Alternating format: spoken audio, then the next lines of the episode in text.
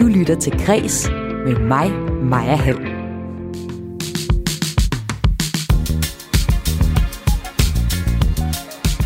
Og det her er fredagsudgaven af Græs, hvor jeg sammen med tre kulturpersonligheder ser på ugen, der gik. I dagens program har jeg besøg af stifter og administrerende direktør i mediet Heartbeats, det er Le Gammeltoft. Jeg har også besøg af forfatter Peter Øvig Knudsen. Han har senest skrevet den dokumentaristiske roman Thomas Budensjøen, der er en af de få musikere, der faktisk giver koncerter lige nu. Altså sådan rigtige koncerter ud i virkeligheden. Det gør han på lørdag på en ny drive-in-scene i Aarhus. Husk, at du altid kan podcaste programmet her. Velkommen til Kreds.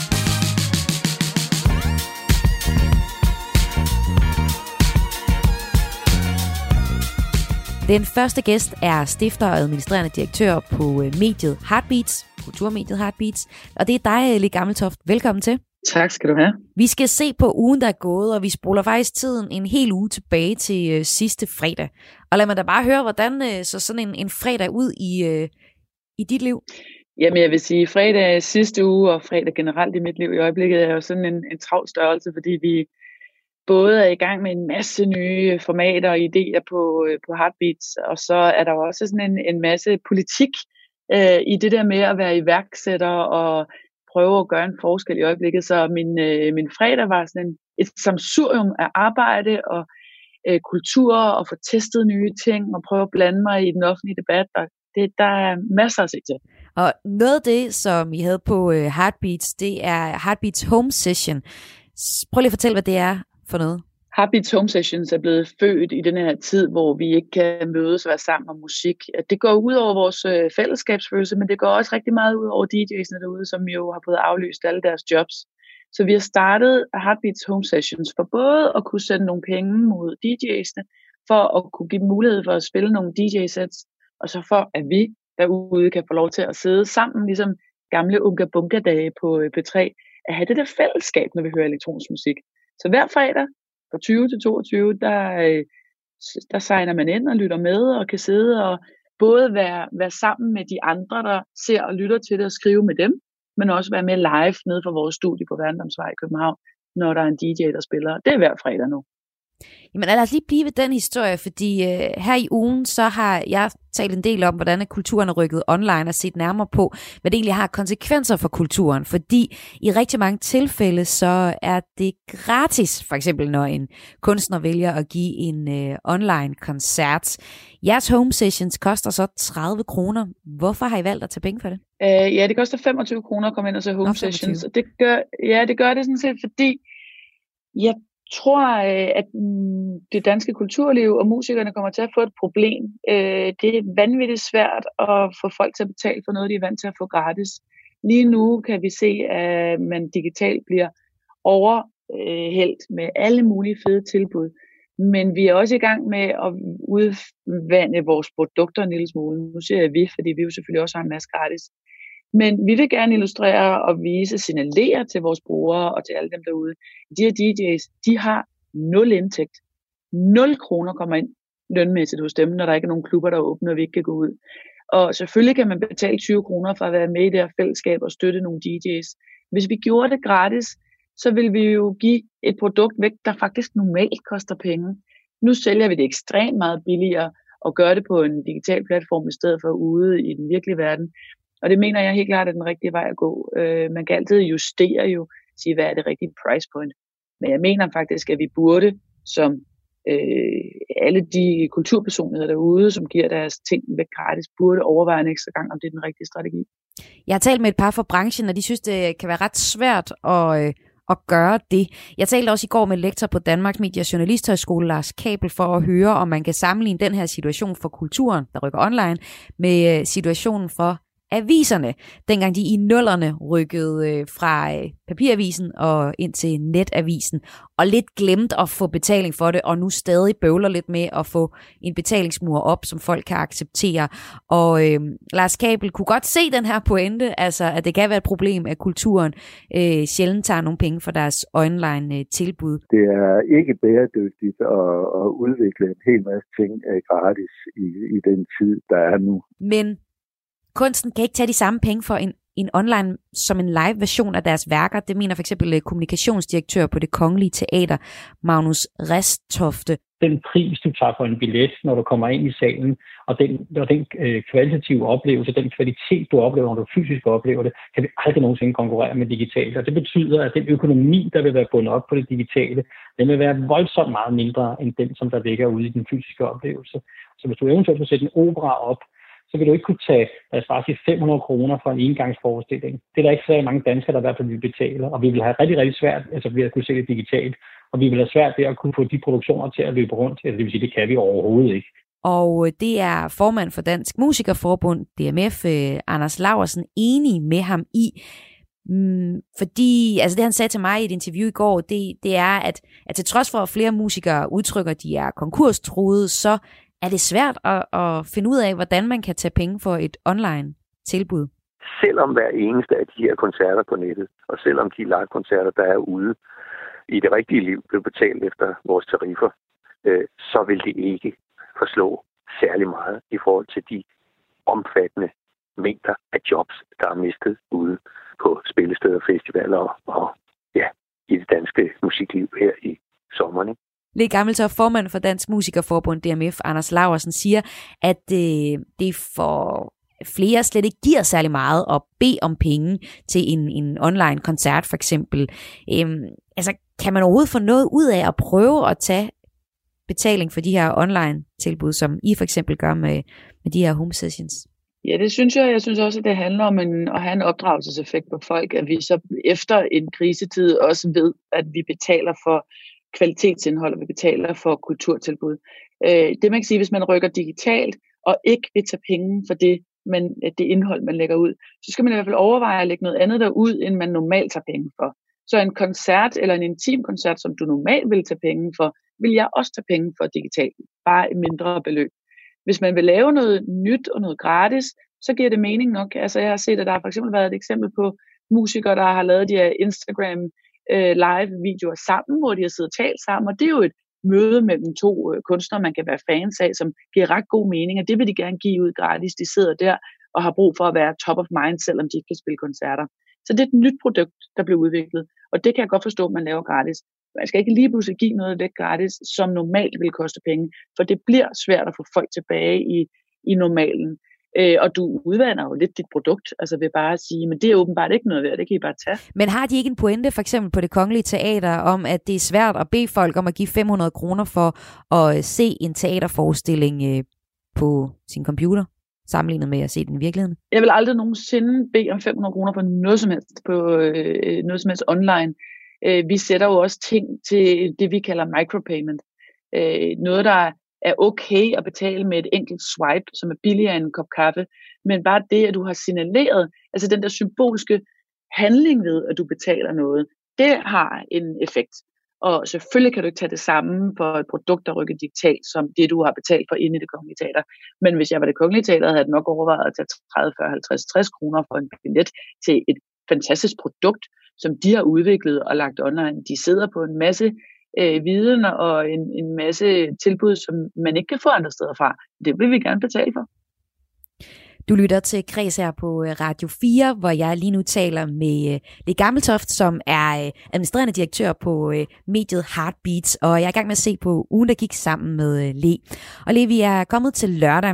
Lørdag var også dagen, hvor et enigt folketing om aftenen indgik en aftale om at udvide og forlænge kompensationsordningerne for arrangører af koncerter, krammermarkeder og andre kulturelle arrangementer. Alligevel så er der virkelig mange, der føler sig glemt af de forskellige hjælpepakker i øh, kulturen. Hvordan så din øh, lørdag ud i forbindelse med det her? Min lørdag så ud øh, sådan, at den, den startede op med et interview på TV2 News netop om de her hjælpepakker, fordi at jeg har et ret højt politisk engagement og har råbt vanvittigt højt. Synes, man skal bruge sin stemme i de her situationer, når man har muligheden for at tale for en gruppe. Men der er en, en stor gruppe virksomheder, som øh, er i vækst, som ikke kan få øh, hjælp af, af de hjælpepakker, regeringen har sammensat. Og jeg ved, at oppositionen prøver også at, ligesom at få råbt regeringen op, og det er vi også en masse iværksættere, der gør. Så jeg var på TV2 News live og blev, kunne jeg fornemme, ligesom kørt i rotation på news hele dagen omkring det her med vækstvirksomhederne.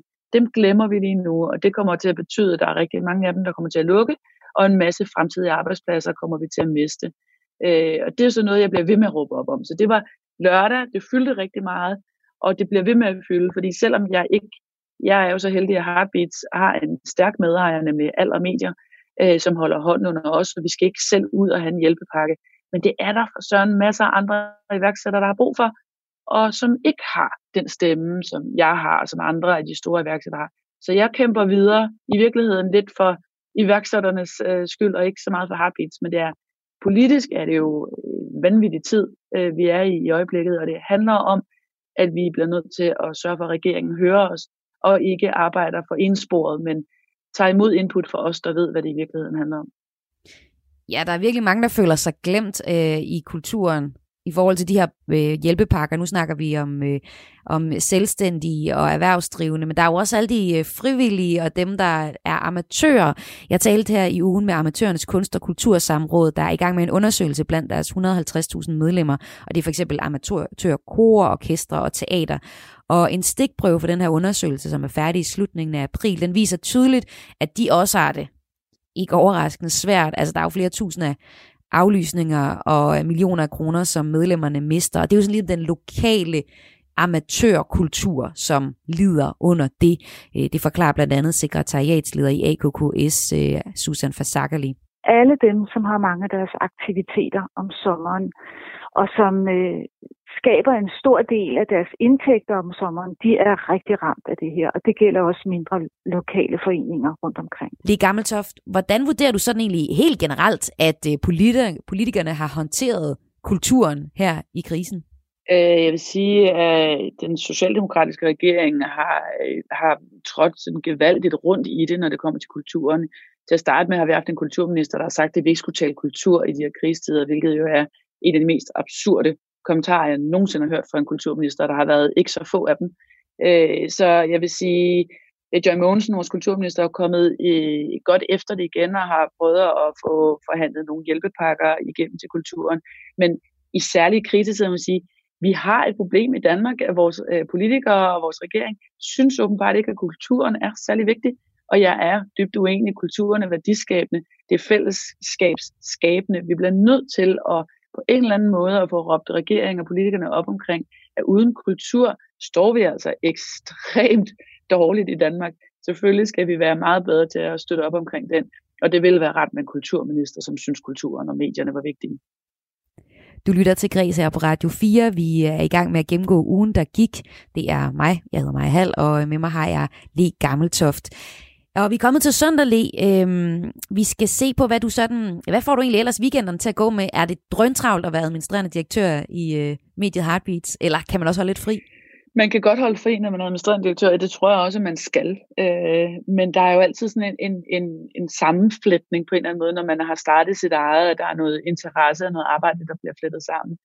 Så jeg vil sige, at søndag var, var det fantastisk vejr. Jeg var i haven og luet ukrudt og plantede blomster og krydderurter osv. Egentlig lidt øh, for øje, at jeg skulle lave noget god mad om aftenen. Og det fletter meget godt sammen med, at vi skulle til at kigge ind i at lave cooking sessions på, øh, på Heartbeats også. Vi begyndte også ligesom at understøtte. Alle restauranterne er også lukket. Øh, alle kokkene, de gode kokke, vi har i Danmark, som står for hele den her nordiske madlavning, hvad skal de lave i øjeblikket? Så vi er begyndt også at lave madlavningskurser, hvor man kan få lige et nyk op af på hverdagsmaden. Vi har haft uh, Torsten Vilgaard fra Noma til at lave, han startede i går ud med at lave fiskefrikadeller. Så det er sådan noget, jeg, så går jeg og tester lidt de der opskrifter, der skal køres igennem på, på vores cooking sessions, og bliver vildt inspireret, og jeg vil sige, sulten, meget, meget sulten, når jeg ser de der, de der madlavningskurser. Men cooking session, er det, hvordan fungerer det? Er det podcast? Er det video? Hvordan fungerer det? Cooking sessions laver vi på samme platform, som vi laver vores home sessions. Så det koster et lille beløb, og så får man adgang til øh, videoerne og kan gå ind og se de her kurser igen og igen, hvor Torsten øh, Vilgaard, så, som har været på, på Noma tidligere, han guider ind til, hvordan man lige kan få en lækker opskriftsnede ind til familien en, øh, en hverdagsaften, eller når der kommer gæster. Så det er også øh, micropayment, og det er øh, øh, på video. Og Lee Gommeltoft, lad os lige prøve at tage her til sidst. Jeg skal lige prøve at forstå øh, Heartbeats mediet, fordi det er jo egentlig ikke en øh, radiokanal, det startede det med at være. Men alligevel, så lytter jeg rigtig ofte til Heartbeats via radioappen TuneIn, fordi øh, jeg synes, musikken er ret god, den er fint kurateret, den passer til min weekendmorgener, og det passer ind i min smag. Det er jo så ikke her, hvor I ligger alle jeres podcasts, og går ind på jeres hjemmeside, kan man finde en hel masse artikler. Og så har I også de her forskellige øh, sessions, hvor øh, man øh, i live-videoer kan være, kan være med. Altså, og for nylig oven i købet, så har I også lanceret to nye øh, stationer i samarbejde med The Lake og Gespenst, øh, Gespenst Radio med fokus på alternativ musik. Altså, hvad er Heartbeats egentlig for et samsurium af, af forskellige tilbud? Heartbeats er et medie til det moderne menneske. Vi fortæller historier om det moderne menneskes hverdag til det moderne menneske. Og man kan sige, at vi er jo øh, ret øh, sammensatte mennesker efterhånden. Vi kan godt gå op i vores karriere eller vores pensionsopsparing og huskøb, og samtidig synes, at alternativ musik og sneakers og bæredygtighed er vanvittigt spændende. Så det er jo lidt det der med at ramme et menneske, som øh, det moderne menneske er sammensat af alle mulige interesser, alle mulige ting, vi går op i og godt kunne tænke os noget viden omkring. Og det er dem, vi taler til. Vi er det første medie i Danmark, der har sidestillet lyd, billede og tekst så når vi skal fortælle en historie, så kigger vi på, er det i virkeligheden bedst at få den fortalt via video, eller passer den måske bedre som podcast? Og så øh, kan man altså gå ind og lytte, eller læse, eller se, når det passer ind. Og ja, vi har vi startede ud som radio, og nu laver vi et samarbejde med The Lake, som øh, drengene fra Efterklang blandt andet øh, er bag, og så Gespenst, som DJ Peter Visti har stået for. Og de to andre radioer, vi får lov til også at hoste ind hos os. Så nu kan man gå et sted hen og lytte til alter, alternativ musik på tre kanaler. Fordi vi er jo den her øh, lidt øh, frække øh, pige eller dreng i klassen, som godt kunne tænke sig, at øh, de store medier prøvede tingene lidt mere, øh, var lidt øh, mindre bange for at ramme smalt nogle gange, og prøve at tage nye tendenser, og prøve at spille noget, der ikke er på top 50. Prøve at ligesom tappe ind i det her med kultur. Jamen, vi skal være lidt nysgerrige. Vi må gerne prøve at lytte til noget nyt. Vi må gerne prøve at øh, lytte til noget, læse noget, eller se noget, vi ikke rigtig ved, hvad er. Så bliver vi mere åbne som mennesker, og det er det, vi, vi stiler mod. Man skal via Heartbeats. Og øh, Le Gammeltoft, administrerende direktør i mediet Heartbeats. Tusind tak, fordi at du var med her i Kreds. Tak skal du have.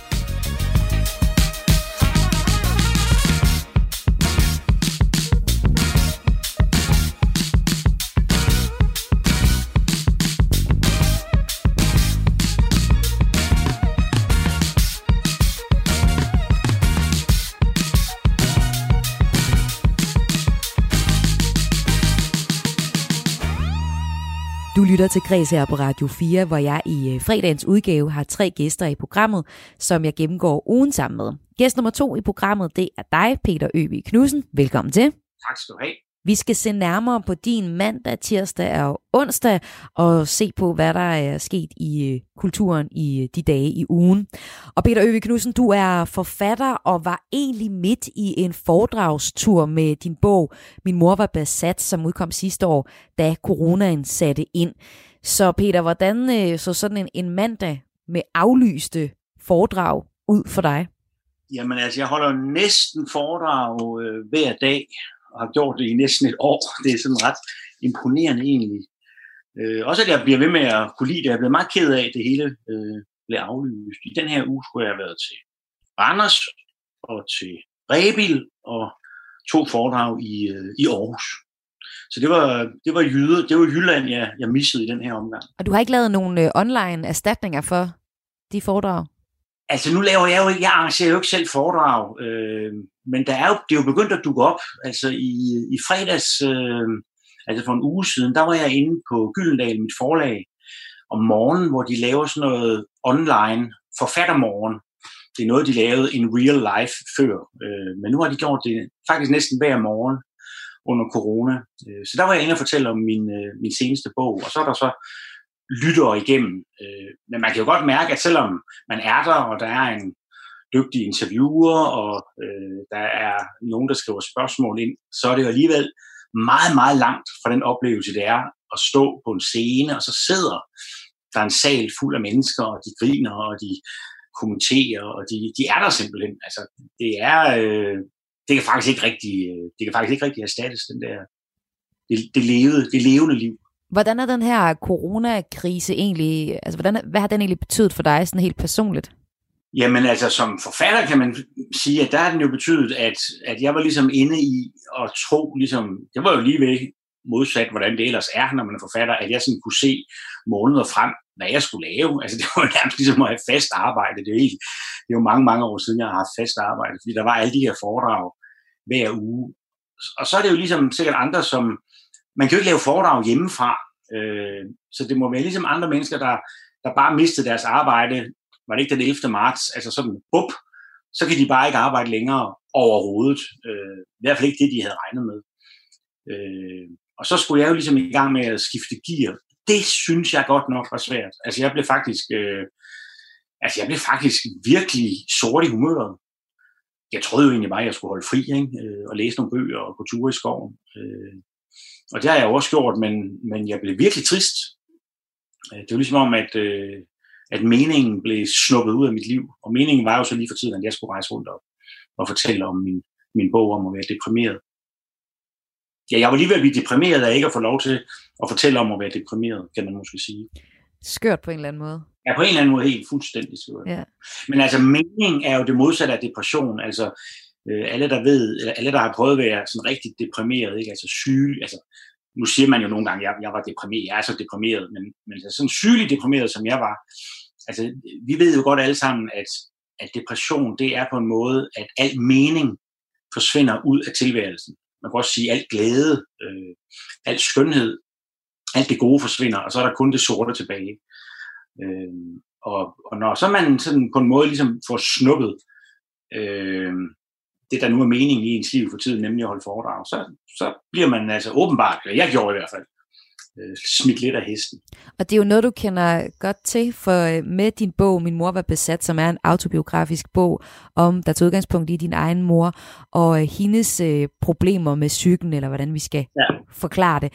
Der oplevede du selv også at, øh, at ja, at komme i et, et rigtig, rigtig langt ned. Prøv lige at fortælle om, hvordan den proces var med at, at skrive bogen. Jamen, da min mor døde, besluttede jeg jo faktisk, altså nogle få timer efter hun var død, at øh, nu var jeg simpelthen øh, befriet til at kunne skrive om, øh, hvor, hvad skal man sige, vanskeligt et menneske hun havde været at være barn af. Øh, og det, det havde jeg nok en fornemmelse af, at der var andre, der havde, været, der havde haft vanskelige møder. Så det tænkte jeg, det kunne godt være en bog. Og så gik jeg i gang med at skrive en bog om min mor, ligesom jeg plejer, altså research, interview, øh, arkiver, lægejournaler. Men så midt i det arbejde, så, så fik jeg simpelthen en depression, og det har jeg prøvet før, men aldrig, never, når jeg er i gang med at skrive en bog. Altså at skrive bøger er for mig en slags vaccine mod at blive deprimeret. Det er igen det der med, at det giver mening for mig. Og depression er, når meningen forsvinder. Øh, så jeg røg ned i en depression. Jeg ville først ikke rigtig indrømme det over for mig selv. Øh, men altså, den blev meget alvorlig, og jeg endte jo med at blive indlagt på, på lukket afdeling på Rigshospitalets psykiatriske afdeling med det, de kalder en svær psykotisk depression. Og det er ligesom en, altså, det er ligesom den værste depression, man kan forestille sig. Dels er den helt kulsort, dels er man også blevet, eller jeg var også blevet psykotisk, altså godt gammeldags sindssyg øh, til sidst. Øh, øh så, så der prøvede jeg jo, kan man sige, hvad min mor sikkert har prøvet, fordi hun har også været indlagt flere gange med, med svær depression. Så man kan da sige, om ikke andet, at, at jeg fik en større forståelse for min mor. Men jeg prøvede jo også ligesom at komme ned i, i det sorteste, ja, jeg vil kalde det helvede, ikke? fordi det er faktisk, øh, altså det er jo der, hvor man får selvmordstanker og den slags, fordi man kan faktisk ikke rigtig holde det ud. Det er ligesom øh, at have det så skidt, hvis man forestiller sig en fysisk smerte, der er så stor, som man ikke rigtig kan, kan holde det ud. Der kan man så nogle gange få noget, noget smertestillende, men altså, der er jo nogle depressioner, man ikke rigtig kan, der, kan, der, der virker medicinen ikke rigtigt. Men øh, Peter Øvig Knudsen, er du egentlig bekymret for, at det kommer igen nu under den her corona? Altså, jeg tror alle, der har haft en alvorlig depression, øh, de får det lidt bagefter. Det er sikkert ligesom nogen, der har haft kræft. Ikke? Altså, hvis en kvinde har haft brystkræft, så går hun sikkert også og er lige lovlig opmærksom på, om der nu er et eller andet lille klump et sted inde i brystet. Ikke? Og det er jo ikke særlig sundt at gå rundt og være bekymret for. På samme måde med os, der har haft alvorlig depression. Hvis vi har en dårlig dag, eller endnu værre to eller tre, øh, så begynder vi straks at tænke, ej for fanden, det er en depression. Og det er jo heller ikke særlig sundt at gå rundt og være så opmærksom på sig selv hele tiden. Øh, men det er svært at... Ja, det er ligesom vores... Sådan, altså, folk, der har haft alvorlig sygdom, de går nok og slår sig lidt med, med angsten for, det vender tilbage. Og det var jo også det, der så... Altså, da jeg så ligesom alle de der foredrag forsvandt, øh, eller blev aflyst, flyttet, øh, og jeg så havde helt tomme dage, så var det faktisk det, der skete, ikke? at jeg fik nogle alle mulige andre mennesker vil bare tænke, at jeg er sgu da i dårlig humør lige for tiden. Ikke? Øh, men når man kender til depression, så tænker man, nej, er jeg ved at blive deprimeret? Øh, og så har jeg en meget klog kæreste heldigvis, som også er min redaktør inde på Gyldendal. En meget fin dobbeltfunktion, hun har. Øh, fordi så sagde hun, øh, du skal skrive en bog. Altså, ja, det er godt med dig, siger jeg så ikke. Jeg ved, jeg, jeg, har jo ikke lige, jeg er jo ikke lige i gang med noget. Nej, så må du bare, så må du bare gå i gang. Og det har jeg så gjort, øh, og det virkede på to dage. Øh, så jeg er åbenbart lidt øh, arbejdsnarkoman, øh, eller i hvert fald afhængig af at, at lave noget. Altså jeg har virkelig ingen problemer med at holde ferie, heller ikke en lang, lang sommerferie. Men, øh, men så når alle andre arbejder, så, eller når det er arbejdsdage, når jeg havde tænkt, at jeg skulle arbejde, så, så kan jeg åbenbart ikke rigtig tåle at holde fri. Så du er simpelthen øh, gået i gang med en ny bog, og det kunne jeg da godt tænke mig at høre lidt mere om, men øh, til dig, der lytter med, du lytter til Kres her på øh, Radio 4, og det er en fredagsudgave af Kres, hvor jeg har tre gæster med i programmet, og vi gennemgår ugen, der gik, for dem personligt og også i kulturen. Og jeg kunne godt tænke mig lige at komme frem til tirsdag nu, fordi øh, noget af det, der har fyldt rigtig meget i øh, kulturen, i nyhedsugen i kulturen, det er en historie fra Information og Weekendavisen, som jeg fortalte om i, øh, i tirsdags. Og det var historien om, at fire medlemmer har forladt øh, forfattersammenslutningen Det Danske Akademi i protest. Og man kan sige, at det er jo dine forfatterkollegaer, så jeg har faktisk været lidt spændt på at høre dig, hvad du egentlig tænker om, øh, om den situation. Det er Susanne Brygger, det er Jens Smerup Sørensen, det er Astrid Salbak og det er Ida Jessen, der går i protest, fordi de er trætte af medlemmet Marianne Stisen, der er lektor på Københavns Universitet, og de er trætte af hendes kontroversielle holdninger til især MeToo-debatten, som hun har kaldt det blandt andet en terrorbevægelse. Peter Øve, jeg gætter på, at du har fyldt lidt med i den ja. her øh, historie, men hvad siger du til den? Jamen altså, de forfattere, der sidder i det akademi, er jo nogen, jeg har enormt stor respekt for, og samtidig er det jo gode kolleger, og de fire, du nævner, der jeg udkommer på samme forlag som mig, jeg har mødt dem et hav gange. Jeg holder af dem, det er søde mennesker, øh, og først og fremmest meget dygtige mennesker. Øh, så har de det der akademi, som jo sådan lidt sådan noget, de selv har fundet på, eller nogen engang har fundet på, og så, og så vælger de selv, hvem det er Karen Bliksen og Tom Christensen, som, øh, som blandt andet er stifter, ikke? og de mødes så en gang om, om måneden øh, på øh, Rungsted Lund nord for København, og man ved ikke, hvad de taler om. De har tavshedspligt, men de udgiver i hvert fald, eller de giver i hvert fald nogle, nogle forskellige priser. For eksempel den store pris, der bliver uddelt hver andet år, og som anerkendelse for et forfatterskab. Ja. Men man kan sige, det er jo sådan lidt en klub, de har lavet for sig selv, øh, og jeg har meget respekt for alle øh, klubbens medlemmer. Så sidder de så derinde i klubben og bliver øh, frygtelig uenige og kommer op og skændes og skriver mails, og, og så er der nogen, der melder sig ud af klubben. Altså, jeg siger ikke børnehave, men, men, men man kunne da godt tænke, at, øh, at det får en, en uforholdsmæssig stor dækning i pressen. Ikke? Øh, altså, det er, vel lidt, det er vel lidt deres egen, altså det er vel lidt, hvad skal man sige, deres eget problem.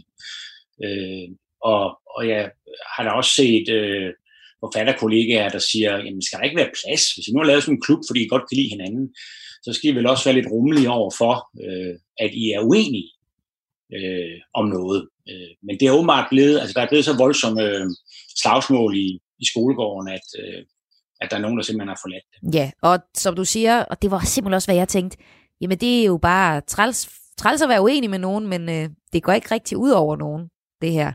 Altså der er selvfølgelig være noget med, hvem der får uddelt en pris, men det er lidt bare sådan en, en diskussion, som vi andre heller ikke rigtig, altså de, de melder sig ud af den, men vi andre vi må heller ikke rigtig vide noget om den. Der er jo ingen, der vil stille op fra hverken klubben, eller nogen, der har noget som helst tilhørsforhold til den. Så ja, det er lidt den samme, jeg ved ikke, lidt en snobbet sag, synes jeg faktisk. Det er en, altså, det er en klub, og så er det ovenikøbet sådan en hemmelig klub. ja. Nå, Forfatter Peter, Peter Øvig Knudsen, du er min gæst her i øh, Radio 4 lige nu, og vi prøver lidt at gå igennem ugen, øh, der gik, og vi er kommet til, til onsdag. Og nu sagde du før til mig, at din øh, kæreste sagde til dig, du skal altså i gang med at skrive en bog, fordi dit humør, det er ved at, det er ved at være træls at høre på. Så, ja. eller ved jeg ikke, nu ligger jeg lidt ord i munden på din kæreste, men nej, du kan nej, forestille mig, det var noget af det, man snakker om. det er fuldstændig korrekt. Sådan. Og hun havde jo også ret, og det virkede, og og det virkede. Og Jamen, prøv lige at fortælle, hvad, hvad sker der, når du sætter dig til at researche på, på en eller anden idé? Altså har du sådan et, et kartotek af idéer, du trækker ud i, ligesom øh, Svend O. Madsen, jeg tror, der har 2.491 idéer liggende klar ja. til at beskrive. Uh, hvad sagde du, 2.000? Ja, jeg har så måske 12, ikke? Altså, så jeg kan ikke rigtig komme her med ham. Uh, men altså, så kiggede jeg lidt på mine idéer, og, og altså, meget af det, jeg laver, er noget, hvor jeg er nede i gamle arkiver og, og og Rigsarkivet er lukket, så der kunne jeg ikke komme ind. Der så, så røg de, de otte idéer, ikke? og noget andet krævede, at jeg skulle ud og lave research og interview. Det kunne man heller ikke rigtig gøre. Så, øh, så der, var, der var en enkelt idé, hvor jeg tænkte, her har jeg faktisk allerede lavet noget research, og, og noget af det kan man lave på nettet, og så gik jeg i gang. Og så skete der jo det forunderlige, som jeg har oplevet før, at, at, at, at så, det er vel det, man kalder inspiration. Altså, så går jeg ned i stoffet, øh, og nu ved jeg ikke, om det her bliver til en bog, så jeg venter lidt med at fortælle, at, hvad emnet er. Ikke? Men, men det er sådan set det samme hver gang, at så går man i gang, og så opdager man, hold da kæft, det der, det er sgu da spændende. Og så passer det jo sammen med det her over. Altså, jeg lægger meget mærke til, hvis der pludselig hurtigt opstår sådan nogle sammenhænge øh, inde i stoffet, sådan at, at den person derovre jo faktisk, når gud, hun kender sgu da ham der professoren herover. Øh, så, så, så, så man begynder at se et univers for sig. Altså, når man skal, når man skal skrive en, en, en bog, øh, og jeg skriver jo dokumentariske bøger, så er det jo ligesom noget med, at man kan ikke skrive om hele verden. Øh, og jeg arbejdede sammen med Lars von Trier som, som helt ung, og der lærte jeg simpelthen, at det at lave regler, han kalder det dogmer, eller det at stille rammer op, kunne man også sige, øh, det, det, øh, det booster simpelthen en kreativ proces. Så det handler om på en måde at se, at her er en historie, der der inkluderer et begrænset antal mennesker. altså, jeg, jeg har jo skrevet sådan nogle kæmpe tykke bøger, og jeg kunne godt tænke mig, at de ikke bliver helt så... Tobinsværker har jeg også skrevet et par gange. Øh, så jeg, jeg prøver hele tiden at se, kan jeg ikke begrænse mig, så det kan blive inde i en bog, og så jeg kan overskue stoffet. Øh, og det var ligesom om, jeg fik en fornemmelse af, at her var nogle personer, der godt kunne være hovedpersoner i en historie. Altså det er stadigvæk virkelighed, jeg skriver om, men det er jo også en historie, som jeg skal fortælle og som jeg skal finde en eller anden form på. Jeg skal finde ud af, hvor den begynder. Det er jo i hvert fald nødvendigt, inden jeg kan gå i gang med at skrive. Og helst også lidt om, hvor den slutter, og jeg skal vide, hvad for nogle personer der er, og hvad for tidsrum øh, er det, vi, vi, det handler om. Og det, det, det har jeg faktisk, altså meget hurtigt fik jeg sådan en fornemmelse af, at, at de der rammer, øh, de kunne godt, de findes til den her historie. Der er noget, jeg kunne skrive fra, fra side 1 til side sidst. Hvordan kan det være, at du ikke ved, om den bliver til noget. Det lyder som om, du er langt inde i materialet allerede nu. Altså, der er i hvert fald inspiration, øh, men, øh, men, jamen det er nok, når jeg ikke er sikker, så er det nok fordi, at det her det er bare så anderledes end noget, jeg nogensinde har prøvet før, når jeg skal i gang med at skrive en bog. Fordi jeg plejer at gå og vente, og så en eller anden dag, så er det bare fuldstændig tydeligt for mig, at det er den her bog, jeg skal skrive. Jeg sidder ikke med de her 12 idéer, og sætter og giver dem point og finder ud af, om det er den ene eller den anden, jeg skal skrive. Jeg, jeg venter bare på, at det står lysende klart for mig. Og så er der ikke nogen tvivl. Og så går jeg i gang, og så kommer der en bog tre år senere. Men den her gang var det jo ligesom der med kæresten, der svingede pisken over mig. Øh, så jeg kunne ikke bruge min normale metode og vente øh, to måneder eller et halvt år. Og det er derfor, jeg ikke er sikker. Øh, fordi jeg har ikke prøvet det her før. Jeg ved ikke, om det holder vand. Altså, jeg vil tro om tre måneder, hvis jeg stadigvæk er begejstret for den her historie, så, øh, eller en måned måske. Altså på et eller andet tidspunkt er jeg nok sikker. Ej, det er spændende. Du kan slet ikke sige noget om, hvad det handler om. Altså bare tema. Altså det, man kan sige, det vokser lidt ud af min, min seneste bog, så det er inden for det der øh, emne, der hedder sindssyge og øh, psykiatri og store følelser og dramatiske begivenheder.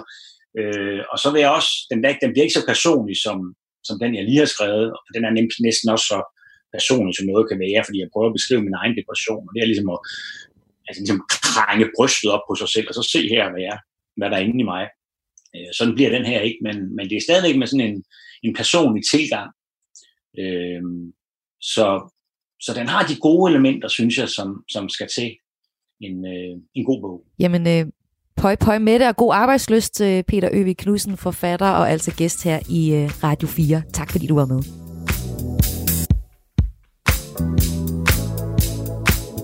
Da jeg var 16 år, så kørte det her nummer i høj rotation på min øh, Denon CD-afspiller.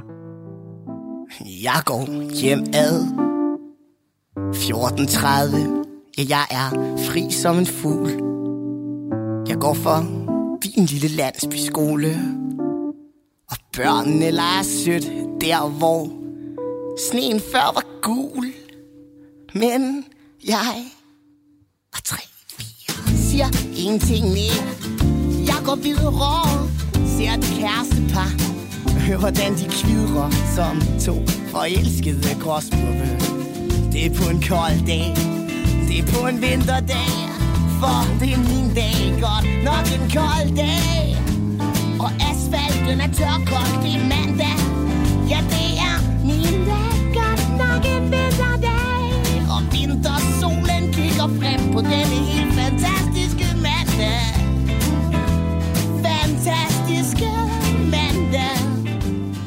Det er Fantastiske Mandag fra pladen af samme navn. Og siden da, der har jeg skiftet CD-afspilleren ud, og øh, Thomas Budensjøen, som det er, der spiller på nummeret her, har udgivet en masse musik i forskellige genrer, både jazz, funk, pop og blues. Og velkommen til dig, Thomas Budensjøen. Jo, tak. Du er min øh, tredje og sidste gæst her i øh, Græs, hvor vi ser på ugen, der gik i kulturen. Bare lige til at starte med, hvordan øh, går du og har det her i coronatiden? Øh, altså, mit helbred har det glimrende. Øh, så på den måde har jeg det jo godt. Ja. jeg, jeg synes, det er lidt... Øh, det, det er jo selvfølgelig sådan lidt... Jeg er lidt bekymret, tror jeg, for de lange udsigter, der ligesom er med ikke at få lov til at spille musik. Og det er selvfølgelig en ting, men mest af alt det der sundhedsmæssigt. Altså, jeg synes, at det er forfærdeligt, at folk dør rundt omkring i verden i så stor stil, som de gør nogle steder. Altså, det synes jeg om noget af det værste. Så jeg, jeg, bruger, jeg tror, jeg bruger meget tid på at tænke på alle de mennesker, der har det rigtig hårdt i øjeblikket. Ja, og der, det er jo det, der er to ting i det. Ikke? Der er den der ene ting, hvor man er sådan, det er virkelig en krise, vi er i. Og så er der den personlige krise, man har, altså hvordan det konkret øh, påvirker en selv. Altså du har måttet aflyse 30 jobs på grund af, af krisen. Men øh, mm. på lørdag, så skal du så alligevel give koncert på en ny drive-in-scene. Og det skal vi tale mere om Ja. senere i øh, snakken her. Men jeg gætter på, at du glæder dig til det. Jeg glæder mig helt vildt meget. Jeg glæder mig til at spille musik sammen med nogen også. Det, det, det er jo ligesom, det er første gang, hvor vi er et helt band, der ligesom sådan skal optræde sådan en drive-in ting. Ja. Og, øh, og det, du øh, er aktuel med, det er sidste år, så udgav du albummet Tilbage på dansk, hvor du synger om din mors død, din fars alkoholsforbrug og forholdet til dine børn. Jeg ved, at min mor ville spørge, er du sikker? Og så ville hun helt sikkert sige, at jeg var lækker. Og hendes kæreste ville sidde backstage. For ølene der, de er gratis. Jeg ved, at min mor ville stå der på forste. Og synge så højt med, du ikke forstår det. Og sige, jeg var den bedste. Også på dage, hvor jeg ikke fortjente. Men mor, hun har aldrig hørt mig spille. Hun tog herfra dengang jeg var lille. Jeg husker ikke alt, men jeg husker det meste. Jeg husker, hvordan det er ikke at være som de fleste. Men mor, jeg har lært at kontrollere min vrede. Lært at putte den ned i noget, jeg har skrevet. Og jeg er stolt af mine sange, for jeg ved, hvad de betyder. Ja, jeg har rejst mig fra det sted, hvor jeg faldt. Jeg græd og jeg græd, men du hørte ikke, jeg kaldte. Jeg set dig så mange gange bagerst i salen Men aldrig været i stand til tune ind på kanalen. Hvis du sidder derop eller ned og lytter med Så skal du vide, mor, jeg har dig med mig et sted. Den gang du var i live, havde jeg dig kun på halvtid. Når jeg lukker mine øjne nu, så har jeg dig altid. Men mor, hun ved ikke engang. Jeg spiller, nej, mor, hun ved ikke engang At der nej, min mor, hun ved ikke engang At jeg har fået børn og blevet skilt. Nej, hun ved ikke, jeg, jeg er lige så gammel som hende. Jeg er lige så gammel som hende. Du udgav faktisk også øh, dokumentaren Doing My Drugs, og bogen i begyndelsen var Døden, hvor du fortæller om øh, at have mistet dine forældre i en tidlig alder til henholdsvis øh, HIV og malaria, og at du faktisk også selv lever med, med HIV, og det er jo også noget, du har været ude at fortælle om og, og gøre i, øh, i foredrag. Men, men Thomas, lad os prøve at, at se lidt på de sidste dage her i ugen. Øh, sådan en dag som, som torsdag i går. Hvordan ser, øh, hvordan så den dag ud for dig? Jamen, den ser sådan ud, at jeg var hjemme med min, øh, min yngste dreng. Der er ikke plads i hans institution. Mm. Så, øh, så der er ligesom, de er, i hvert fald, der er kommet et skriv ud om, at hvis man har behov for pasning til sine børn, så kan man selvfølgelig nok finde ud af det, men de vil helst have, at man holder dem hjemme, hvis man har mulighed for det. Og ja, det synes jeg jo, at i forhold til mit erhverv, der også ligger rimelig meget standby, så selvfølgelig har min dreng været hjemme. Så jeg har været sammen med ham hele dagen i går, mens den store var i skole. Og så var vi inde og hente ham. Vi har brugt meget tid på at tegne i mellemtiden. Det er sådan, yeah. så kører vi nogle YouTube-videoer, hvor vi ligesom kan finde nogle tegnesekvenser, og han elsker at tegne. Så vi har tegnet lidt, og, og han har faktisk også spillet lidt en lille smule klaver. Mm. Og sådan, at vi prøver ligesom bare, det er de ting, jeg jo synes, der er sjovt. Det, det er heldigt, at mine børn også kommer til at synes, at det er sjovt. øh, så vi, vi prøver ligesom på at hygge os og så videre. Og så var jeg inde og lavede noget aftenshow efterfølgende, inden for at snakke lidt om, om kulturen og krisen, og hvad vi ligesom lige gør med alt det her. Hvad var det helt store samtaleemne der? Øh, jamen, jeg skulle jo ind og snakke om den her koncert, som vi skal spille i morgen. Ja. Øh, og jeg skulle ind og prøve at snakke lidt om, hvad man ligesom kan gøre af tiltag i den her periode. Fordi jeg, jeg ser det som om, at det vigtigste det vigtigste er jo sundhed, altså frem for alt. Det er ligesom det, det handler om. Og, og, og vi bliver udgivet nogle, nogle regler fra nogle mennesker, som jeg har kæmpe stor tillid til, har styr på, hvad det er, de siger, og ligesom, det, som de lovgiver omkring, at det skal selvfølgelig overholdes. Og det vil sige, når man har fået et vis... Du, du bliver nødt til at spille de kort, du har fået. Ikke? Øhm, og jeg tror, at så prøver, for mig i hvert fald handler om at så prøve på at få lov til at spille musik, på trods af, at der ligesom kommer en masse begrænsninger. Fordi altså, jeg er musiker, og jeg er spillemand, og, og det kan man ligesom ikke tage fra mig. At lige meget hvad, så det er ligesom det, jeg er. Det er det, at jeg, jeg, jeg, jeg, jeg skaber, og jeg skriver, og jeg spiller, og, og, og hvis jeg ikke gør det, så er jeg ligesom ikke. Og derfor så bliver jeg nødt til at finde en ny måde at få gjort de her ting. Så jeg har blandt andet ude at lave sådan nogle gårdkoncerter. Jeg har spillet seks koncerter rundt i, i gårde ja. i København, hvor ja. jeg ligesom kunne stå på altaner og lytte, og havde vagter med ude og sørge for, at folk ikke kom ned fra de der altaner, ligesom få dem op, fordi lige pludselig så var der et af stederne, hvor folk begyndte at klumpe sig sådan lidt sammen. Det, blev, det var ret fedt, vi havde sådan to vagter med ude, og en lydmand og en elektriker til at stå for noget strøm og sådan noget. ting. Øhm, Hvordan var det? Øh, det var helt vildt fedt. Altså, det var bare fantastisk, det der med at se folk igen. Altså ikke at skulle jeg ved, at der er mange af mine kolleger, der har lavet rigtig mange sådan nogle live sessions, hvor de sidder foran et, et webcam og synger og sådan noget.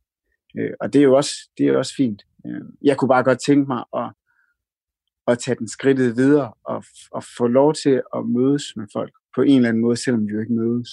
Men det er jo bare fedt at se folk stå på en altan og rocke med og synge med på mine sange. Altså, det synes jeg var skønt og fantastisk. Og det var også, også godt vejr, og solen skinnede. Og på den måde var det bare virkelig, virkelig fedt.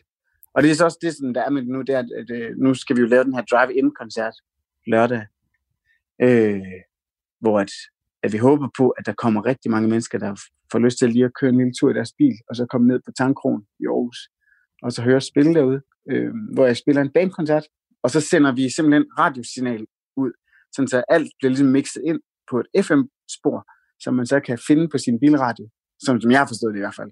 Og så kan de sidde og lytte i deres bilradio, men stadigvæk, at de ser os spille. Så de kommer til at, at opleve, at vi er der og spiller musik live foran dem.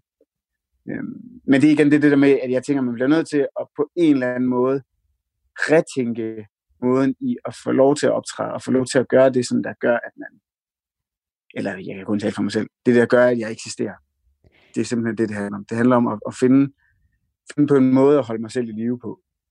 Thomas øh, Wittgen, når du har givet de her gårdkoncerter, har du så egentlig fået øh, betaling for dem? Øh, der var nogen, der kastede lidt penge ned til mig. Ja, men ellers er det frivilligt, eller hvad? Nej, nej, det har, det har faktisk været arrangeret og kørt ind igennem mit bookingbureau, okay. som der ligesom har sørget for at få sat de her ting op. Så derfor, hvis der er nogen, der har nogle gårde, så ring til min booker, og så sørger vi for, at jeg kan komme ud og spille og okay. lidt der. Ja, fordi noget af det, vi har talt om her i øh, programmet Kreds, det er, hvordan kulturen er, øh, har, finder alle mulige alternativer, og den del af kulturen, der rykker online, der rykker betalingen typisk ikke med. Altså der er det sådan lidt donationer, som, øh, som, ja, som man kan få ja. lov til at give, men, men ellers så, så lider den jo egentlig ret meget om over at, at være rykket online. Har du givet nogle live-koncerter eller sessions?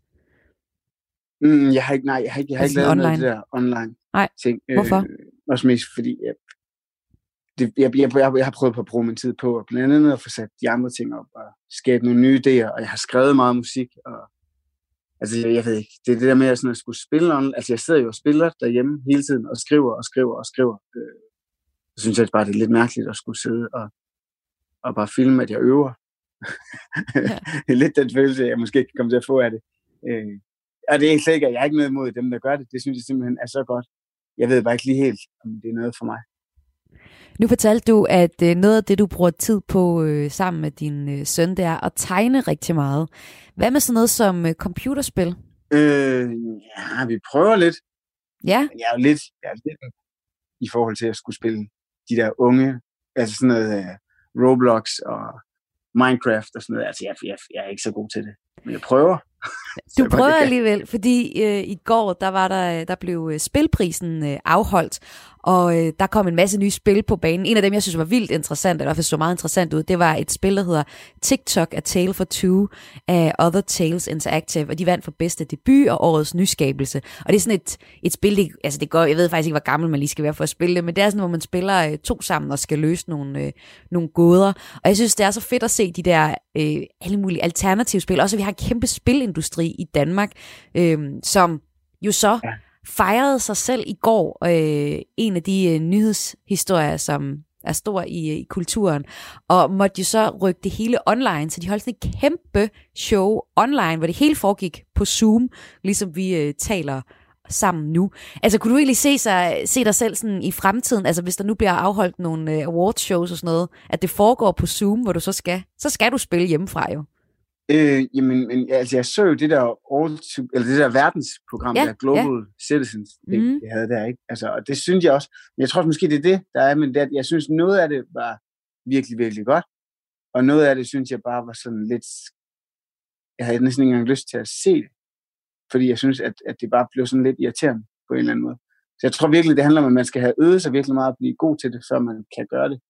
Og jeg tror bare ikke, at jeg kan i hvert fald tale for mig selv. Jeg, jeg, jeg er ikke der endnu, og jeg synes, jeg er god nok til at skulle optræde på den måde. Fordi jeg tror, at ligesom, det handler om nogle andre ting. Det kan vel, at man bare skal kaste sig ud i det. Øh, ja, og så kan jeg, jo, jeg kan jo bare godt lide at se mennesker rigtigt, tror jeg. Øh, men, men det kan det godt være. Altså, jeg er da ikke afvisende over for, at det ligesom er det, der er alternativet. Det er den vej, verden kommer til at blive på et tidspunkt. Men jeg synes også, det vil være sådan lidt en lille smule, nu siger jeg måske farligt ord, en lille smule fattigt i forhold til, at jeg vil gerne have, at man kommer hinanden ved. Du lytter til Kreds her på Radio 4, hvor øh, Thomas Budensjøen og jeg er i gang med at kigge på de sidste dage i ugen, der gik. Og øh, vi snakker lige lidt om torsdag. Nu er vi kommet til fredag. Det er i dag, og det er dagen før, at du skal spille på P-scenen i øh, Aarhus, som er en helt ny drive-in-scene, hvor øh, kunstnere har mulighed for at optræde, og publikum har mulighed for at se jer optræde via vores biler. Er der noget forberedelse i gang i dag, eller hvordan ser din fredag ud? Jamen, det er der. Jeg har sådan en helt... Øh, det er også det, altså det, er det der med, at vi er, et, vi er et helt band, der skal spille. Så vi er ligesom en, en helt flok, der er i gang med at prøve at... Og så vi prøver på at lade være med at mødes inden. Så ja. nu sidder vi og øver hver for sig. så jeg har ligesom en, en setliste, jeg skal have banket igennem, og skal lige for alvor have taget stilling til, hvilke sange jeg synes, vi skal spille. Øhm, ja, så det, det, bliver, det, bliver, det bliver spændende. Og, men det er jo heldigvis, at det er jo nogle drenge, jeg har spillet sammen med før, så vi kender jo hinanden. Og jeg ved ligesom også godt, jo, hvordan de spiller, tror jeg. Hvordan tror du, det bliver sådan at interagere med publikummet, altså når vi nu kommer til at sidde i biler og se på det? Jamen, jeg tænker, det er noget med, jeg vil prøve at se, om man kan få dem til at få bilerne til at fjedre lidt. Ja. Hvis de sådan kan hoppe lidt op og ned, eller et eller andet, så jeg kan se noget bevægelse på en eller anden måde, eller, eller også kan jeg have dem til at blinke lidt. Nå, det er noget med, jeg må ikke få dem til at dytte, så jeg skal ikke have dem til at dytte, det må de ikke. Der Jamen, det er rigtigt, så er der, varme, så er der, ja, det, så er der bøder, hvis man får folk til at dytte. Uden grund. Ja, jamen, ja. lige præcis. Så jeg tror, det er noget med, at jeg bare sådan skal have dem til at blinke. Men jeg ved ikke, det er om eftermiddagen, jeg skal spille. Det er allerede kl. 3. Så jeg ved heller ikke, om jeg kan se, om de blinker, når der er lyst udenfor. Jo, det må man næsten kunne, ikke? Jo, øhm, det, ja, bliver, det bliver spændende. Måde. Ja, og så er jeg, jeg er også lidt i tvivl om, om jeg må bede dem om at rulle vinduerne ned og råbe. Fordi det kan man jo også. Det er rigtigt. Men er det så, kommer man så for tæt på hinanden? Det er jo det. Jamen, det er på den anden spændende. side, altså mm. der er jo også mange, der holder i biler normalt. der skal selvfølgelig ikke åbne vinduer. Jeg skal have spurgt nogle voksne, når jeg kommer i morgen. altså, hvad, hvad, er det, hvad er det, hvad er det i virkeligheden må? Altså, Ja. hvem, hvem bestemt må de have åbne vinduer? Hvis de må åbne vinduer, så kan de jo sidde og synge alle sammen. Og jeg kan også lige sige til dig, der lytter med, øh, hvis du godt kunne tænke dig at komme til den her koncert, så har vi faktisk øh, to billetter til koncerten. Det er nemlig øh, ugens kreds. Det er sådan det element i, i programmet her, hvor vi beder lytterne om at tage ud og opleve noget kultur, og så fortæller om, os, øh, fortæller om det til, øh, i næste uge. Og hvis der, der lytter med, kunne tænke dig at komme til øh, Thomas Budensjøen-koncerten på P-scenen i Aarhus, så øh, skriv ind til kreds radio4.dk, og det er k r a s radio4.dk. Og Thomas, lige her til sidst, hvordan kommer din øh, tid ellers se, til at se ud sådan fremadrettet? Er det gårdkoncerter og måske noget mere drive-in-koncerter, der står på din øh, plakat? Øhm, jamen, det handler jo lidt om, tror jeg, hvad folk har lyst til. Altså lige nu har jeg ikke noget sådan fast på mit program, jeg skal, før at der er nogle koncerter, der kommer igen til september, tror jeg. Forhåbentlig, hvis det er, at, vi, at, at landet, hvis alt går, som det skal. Øhm, ja, så, så folk, folk må endelig skrive til mig, hvis de gerne vil have mig ud at spille. Og så kontakt min booker, så jeg også kan få en lille smule for det. det vil være rigtig fint. Øh, men øh, ja, men lige nu, jeg, jeg prøver på at, at, at arbejde igennem få nogle nye tanker til, hvad vi lige gør, og hvordan at vi skal.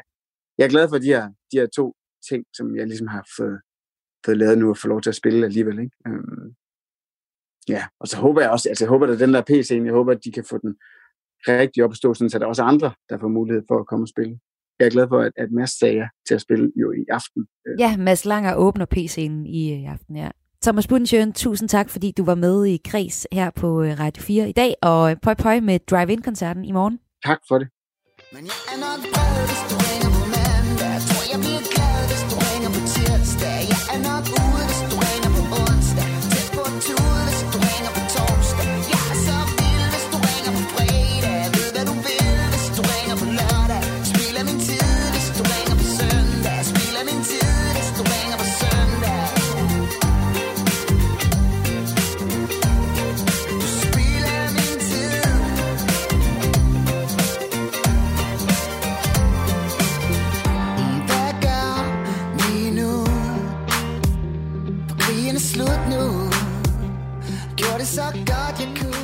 Det var alt for Græs i den her omgang. I redaktionen sidder Lene Grønborg Poulsen og Karoline Kær Hansen. Jeg hedder Maja Hall, og jeg er tilbage igen på tirsdag. Husk, at du altid kan podcaste det her program, og del det endelig med dine venner. Og like programmet, sådan at det kan komme bredt ud. Kulturen er vigtig. Jeg vil gerne slutte af med at ønske dig god weekend med en coronasang, og det er en coronasang fra Nigeria. Det er deres Røde Kors-afdeling, der har lagt den her op, og den synes jeg skulle meget fed. God weekend. Do for self, by self, for others to live. Prevention is better than cure. COVID 19 is real. KD, nay, X, yes sir. Ya isa corona, zauna gidanka.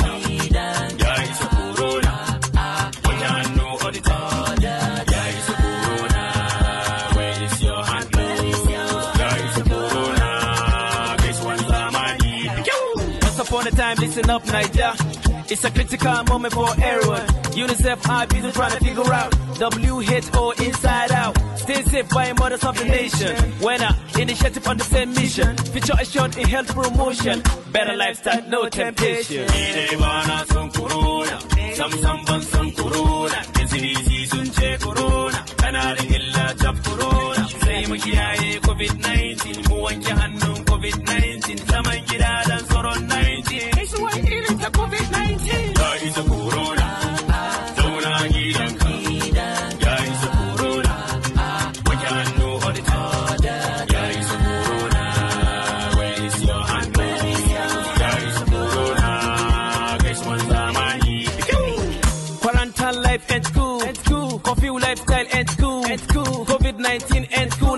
ya corona out da hood niggas gwamnati sun saka doka. Dan lafiyar mu da kaka. Ka tsaya gidanka da fanka. Short time cup is gonna be a history. Dan uwa gobe gaskiya ce. Social distance ka fita ce wash your hands up with sanitizer. Every time bro with sanitizer. To get away by covid-19 avoid social gathering for 19 follow the government covid-19 we here to protect you on covid-19 corona. Don't zauna gidanka